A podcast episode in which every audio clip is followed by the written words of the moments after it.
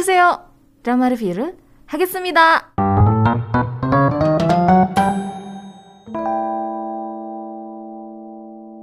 Oke, judul dramanya adalah Under the Queen's Umbrella. Ini didirect oleh Kim Hyung Sik yang sebelumnya mendirect drama About Time. Ini satu drama tahun 2018 uh, yang diperanin sama Lee Sang Hyun sama Lee Song Kyung. Ini juga dramanya uh, bagus dari segi cerita gitu, cukup menarik lah. Ya ini about time dan ya fiktif sih tapi. Terus ada di second twenties ini aku nggak nonton sih. Terus secret door kemudian the, Sus the suspicious housekeeper Phantom, I'm Legend, dan lain-lain. Ini dari drama-drama yang pernah didirect oleh Kim Hyung Sik. Yang pernah aku nonton cuma About Time doang. ya. Oke, untuk penulisnya adalah Park Bara. Networknya di TVN. Kalau kamu mau nonton tersedia di Netflix ya. Rilis date-nya itu tanggal 15 Oktober sampai 4 Desember 2022. Under the Queen's Umbrella ini adalah drama sagek yang berlatar di dinasti Joseon. Drama ini tuh cukup menarik ya karena unik dan beda banget sama drama-drama sagek lainnya. Dari drama-drama sagek yang pernah aku tontonin kayaknya aku ngerasa drama ini lumayan cukup beda gitu. Um, mungkin kategorinya sama kayak ketika aku nonton drama Mr. Queen atau drama Scarlet Heart Trio. Itu kan drama sagek tapi uh, beda kan uh, bandingin deh sama drama uh, drama sagak apa ya yang pernah aku tonton. Uh, uh, uh, bentar ya ambil browsing browsing. Hmm, misalnya Empress Key ya itu udah udah pasti beda banget. Terus uh, The Crown Clown. Kemudian apa lagi ya? Ya saking banyaknya nonton jadi gini nih. Terus uh, Huarang. Itu juga agak sedikit beda sih. Terus Love in the Moonlight pokoknya beda gitu dari segi alur ceritanya tuh beda. Nggak nggak seperti drama-drama sagak lainnya. Kan kalau misalnya kita ngomongin drama sagak pasti kesannya tuh serius ya. Drama yang sangat serius yang diwarnai dengan uh, peperangan pakai pedang tombak panah ya dan lain sebagainya. Nah Kenapa drama ini aku bilang beda? Karena drama ini tuh mengangkat isu-isu sosial yang sebenarnya itu terjadi di masa sekarang. Dan ternyata masalah-masalah yang terjadi di saat sekarang juga sebenarnya udah pernah terjadi di masa Joseon gitu, di masa masa itu. nah, terus drama ini fokusnya tuh kan sama satu ratu yang aku bilang bahasanya apa ya? Yang swag lah gitu. yang YG banget soalnya memang bener ini tuh satu sosok ratu yang jarang banget ditemuin di drama saga.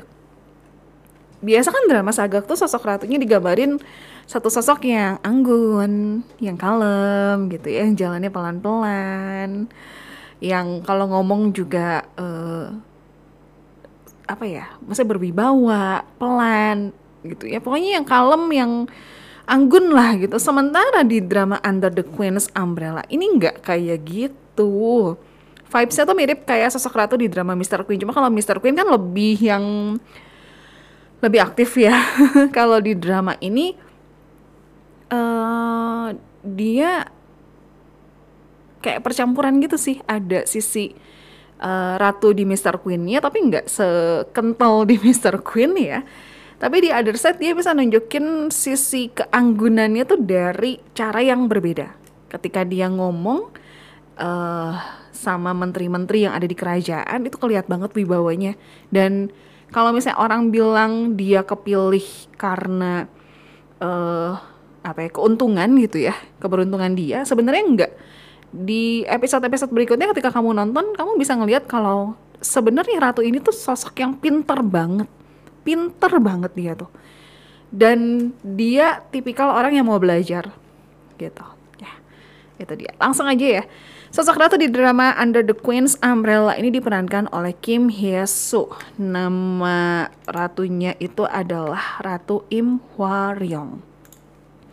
Kim Hye Soo udah 20 tahun by the way nggak main drama sagek. Ini tuh jadi comebacknya dia pertama kalinya setelah 20 tahun. Terakhir dia main di drama kolosal itu tahun 2002 untuk drama judulnya Jang Hee Bin. Cuman aku nggak nonton. Nah, selama ini karakter uh, yang kita lihat yang diperankan oleh Kim Hye Soo itu adalah detektif, jaksa, atau pokoknya satu karakter yang suka ngejar-ngejar penjahat lah gitu pokoknya ya. Misalnya kayak di drama Signal gitu yang ngangkat nama dia banget. Um, dia jadi seorang detektif dari masa lalu yang kerja sama sama Lee Jae Hoon kan untuk nanganin kasus. Terus di tahun 2020 Kim Hye Soo jadi seorang detektif bareng sama Ju Ji Hoon untuk drama Hyena. Terus di tahun 2022 di bulan Februari Kim Hye Soo memerankan satu karakter di drama kriminal yang berjudul Juvenile Justice. Ini tuh dia jadi jaksa. ini satu drama yang juga bagus ya karena drama ini punya alur cerita yang cukup unik. Soalnya mengangkat tema tentang tindakan kriminal yang dilakukan oleh anak-anak di bawah umur. Biasanya drama-drama crime itu kan pelakunya dewasa ya. Uh, terus kayak kita lebih fokusnya ngejar penjahatnya, atau uh, ngangkat cerita dari kisah kisah atau kasus-kasus yang pernah terjadi di Korea. Nah, untuk drama juvenile justice ini ngangkat tindakan kriminal yang dilakukan oleh anak-anak di bawah umur. Kan ada undang-undangnya tuh, anak-anak di bawah umur ya hukuman itu bukan hukuman penjara ya gitu. Karena masih di bawah umur ceritanya. Nah, Kim Hye Soo ini meranin jadi seorang jaksa atau hakim ya, aku lupa deh. Padahal masih tahun 2022 loh. Cuman ini dramanya cukup berat ya buat kamu pecinta drama crime aku aja yang suka nontonin drama crime ngerasa drama juvenile justice ini berat banget gitu. Tapi bagus gitu. Terus aku sempat lihat juga uh, drama juvenile justice ini dapat pujian dari para orang yang berkecimpung di bidang hukum lah gitu. Ya. Di drama Under the Queen's Umbrella, Kim Hye Soo jadi seorang ratu namanya Im Hwa Ryong yang berjuang untuk nyawa dirinya dan anak-anaknya. Dia bukan berjuang demi tahta, tapi dia harus mempertahankan tahta untuk memper uh, mempertahankan nyawa dia gitu. Jadi dia harus memperjuangkan tahta ini, dia harus tetap bisa dapetin tahtanya supaya dia sama anak ini tetap hidup. Intinya kayak gitu.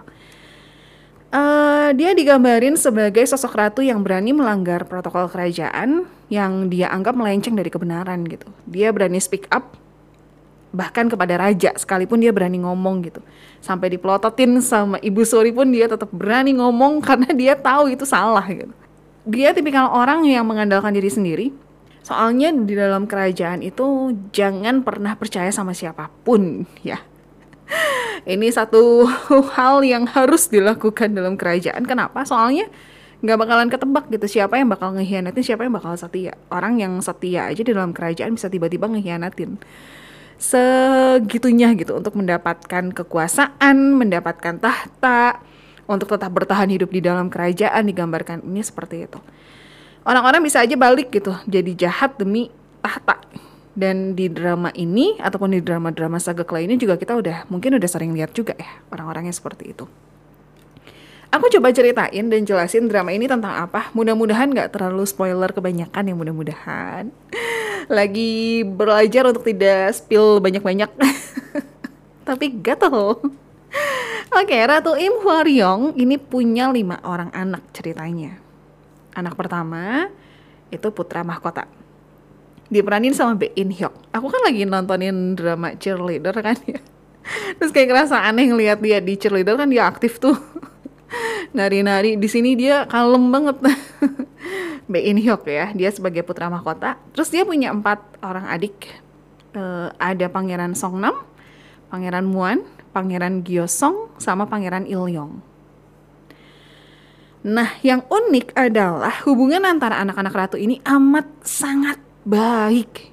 Mereka tuh saling sayang, saling jaga.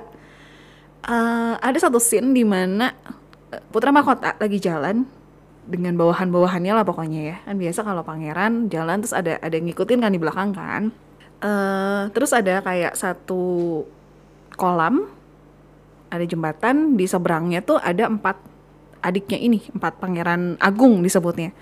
Nah si empat pangeran agung ini tuh bisa yang teriak manggil-manggil si putra mahkota. Hyung nim hyung nim gitu ya kayak gitu loh sedekat itu. Dan Hyung Nim itu nggak yang judes gimana kalau misalnya di drama-drama saga lain kan rata-rata judes ya gitu.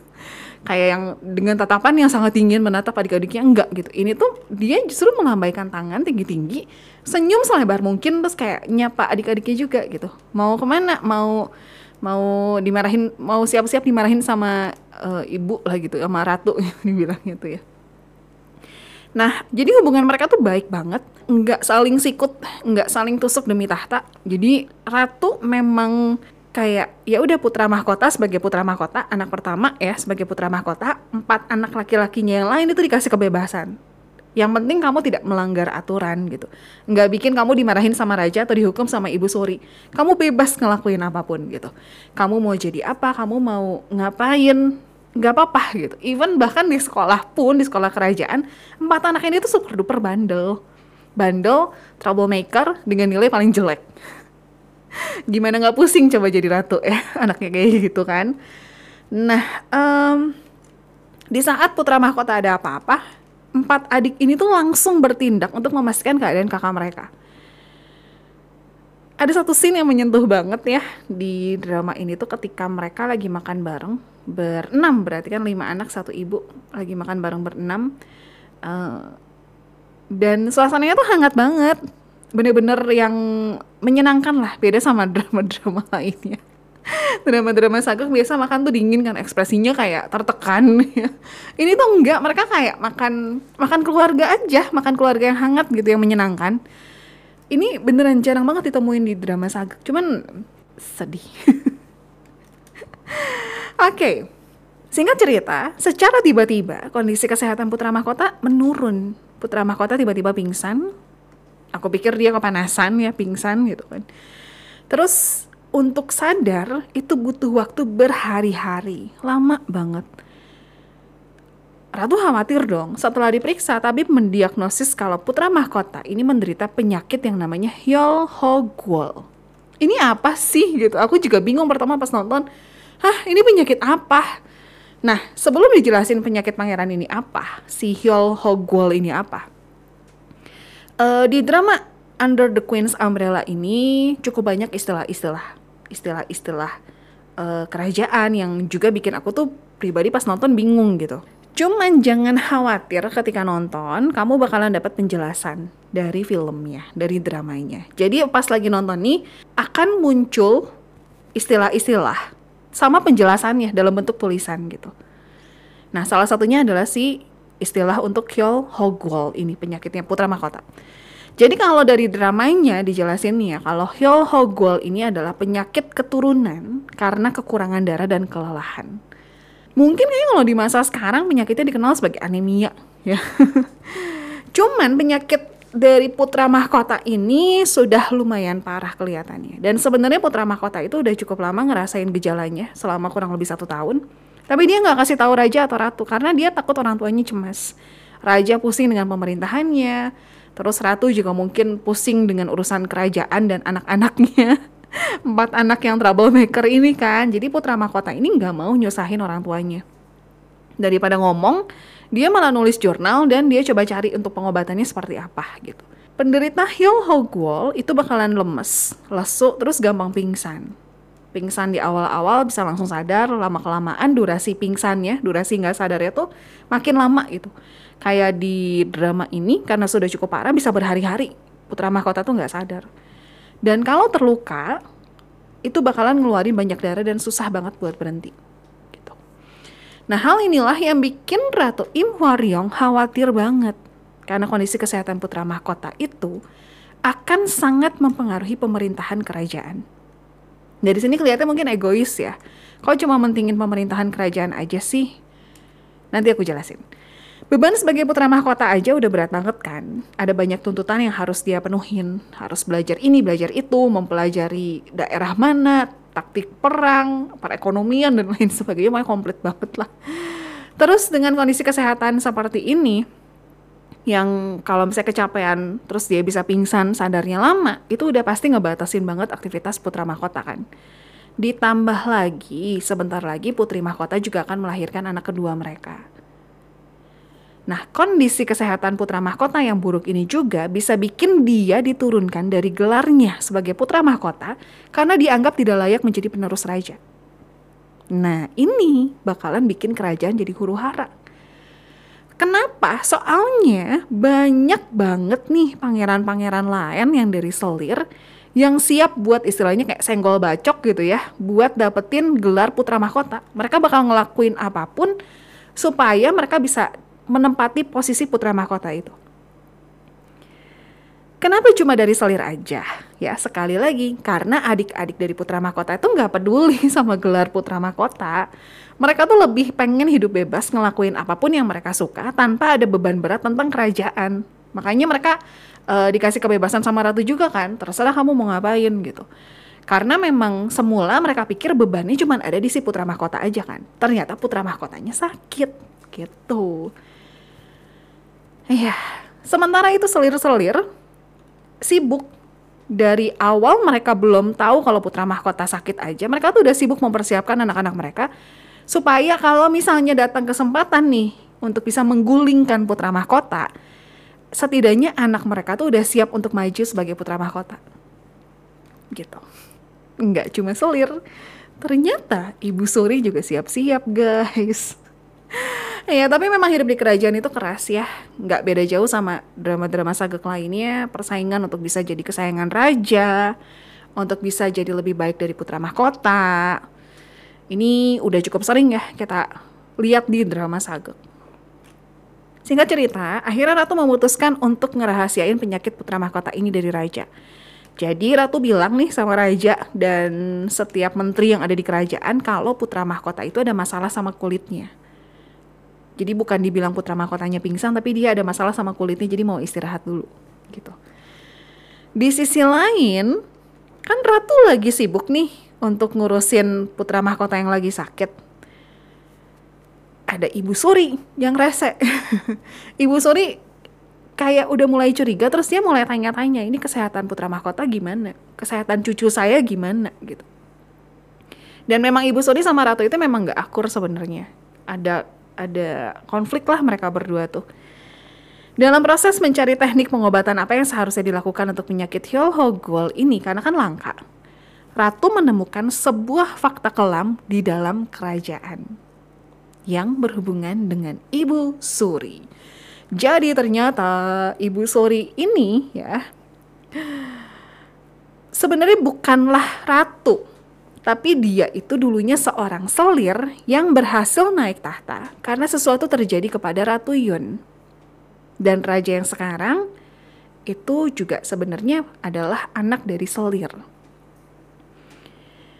Um, putra mahkota yang namanya Ikhyun yang merupakan anak pertama dari Ratu Yun itu difonis terkena penyakit Hyo Ho Gol sampai akhirnya meninggal dunia dinilai gagal menjadi ratu, Ratu Yun pun dipaksa turun dari jabatannya, terus dia diasingkan ke sebuah desa. Nggak sampai di situ, tiga dari empat putra lainnya, adik-adiknya putra mahkotanya Ikyon, itu dibunuh secara misterius.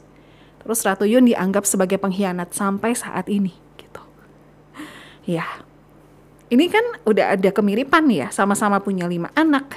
Anak pertamanya sama-sama jadi putra mahkota, sama-sama mengidap penyakit Hyolhogol, Ratu Im Hwaryong khawatir dong.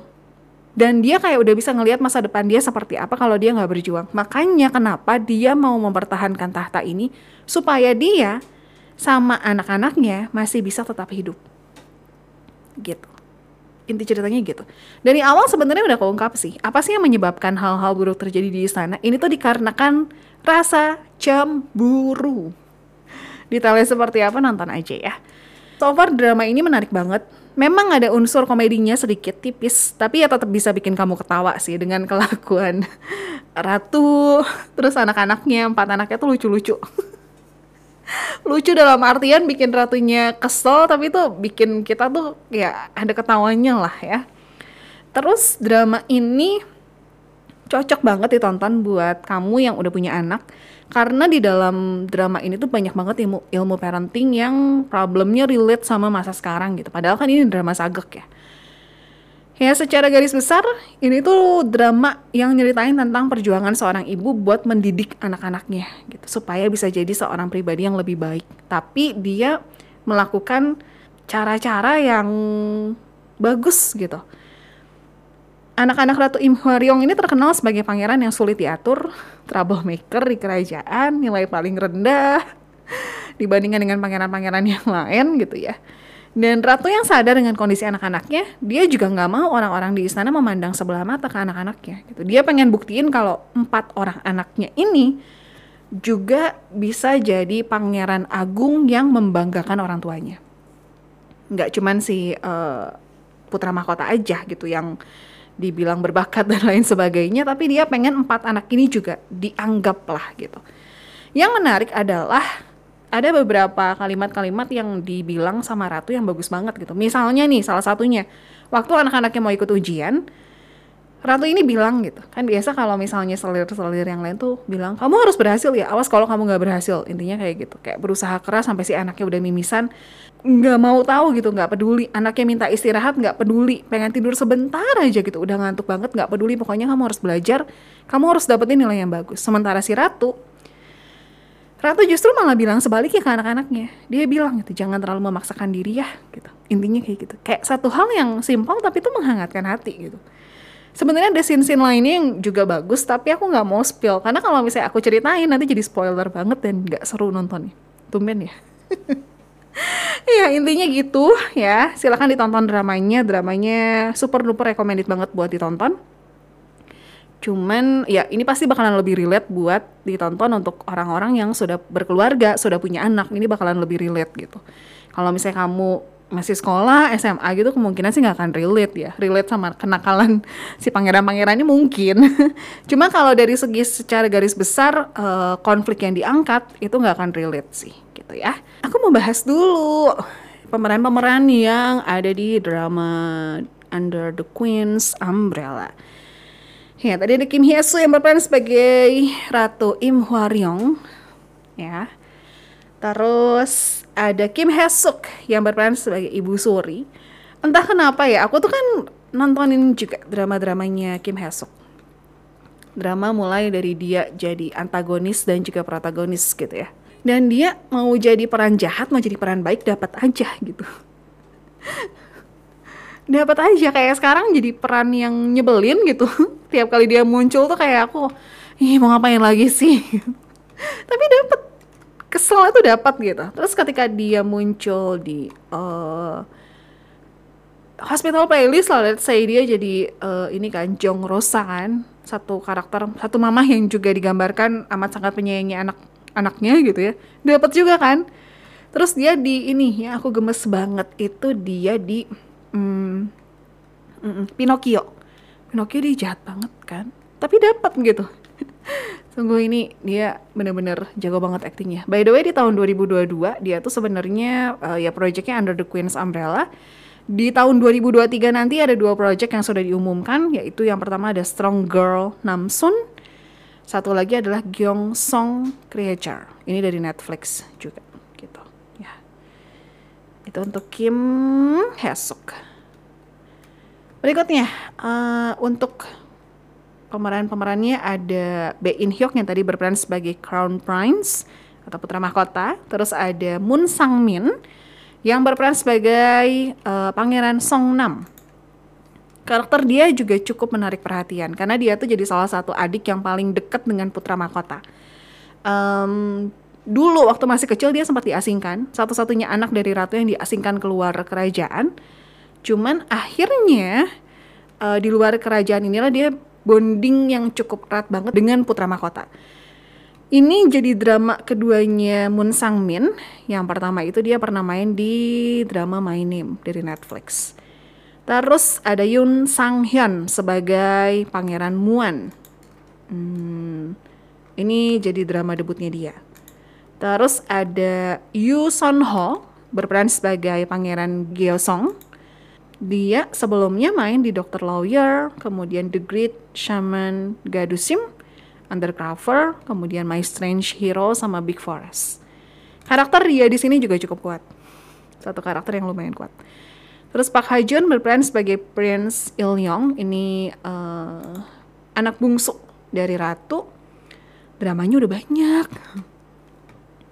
Dia main di The Killers, Shopping List, kemudian Graceful Friends, uh, Voice season yang kedua, My Shy Boss, dan lain-lain. Udah cukup banyak. Ya. Terus di drama ini juga ada Kang Chan Hee, salah satu member dari SF9. Aku kan juga nontonin drama-drama dia ya. Kayak misalnya uh, True Beauty, Was It Love, uh, dia main juga di Sky Castle, Signal, Wajung, The Innocent Man. Tapi di drama ini aku kesel banget sama dia. bagus sih aktingnya, sampai saking bagus sampai bikin kesel, asli kesel banget. Dia tuh anak dari uh, salah satu selirnya raja, cuma nyebelin banget. Ya, ya itu dia pemeran-pemerannya. Sekali lagi kalau mau ditonton bisa ditonton di Netflix ya.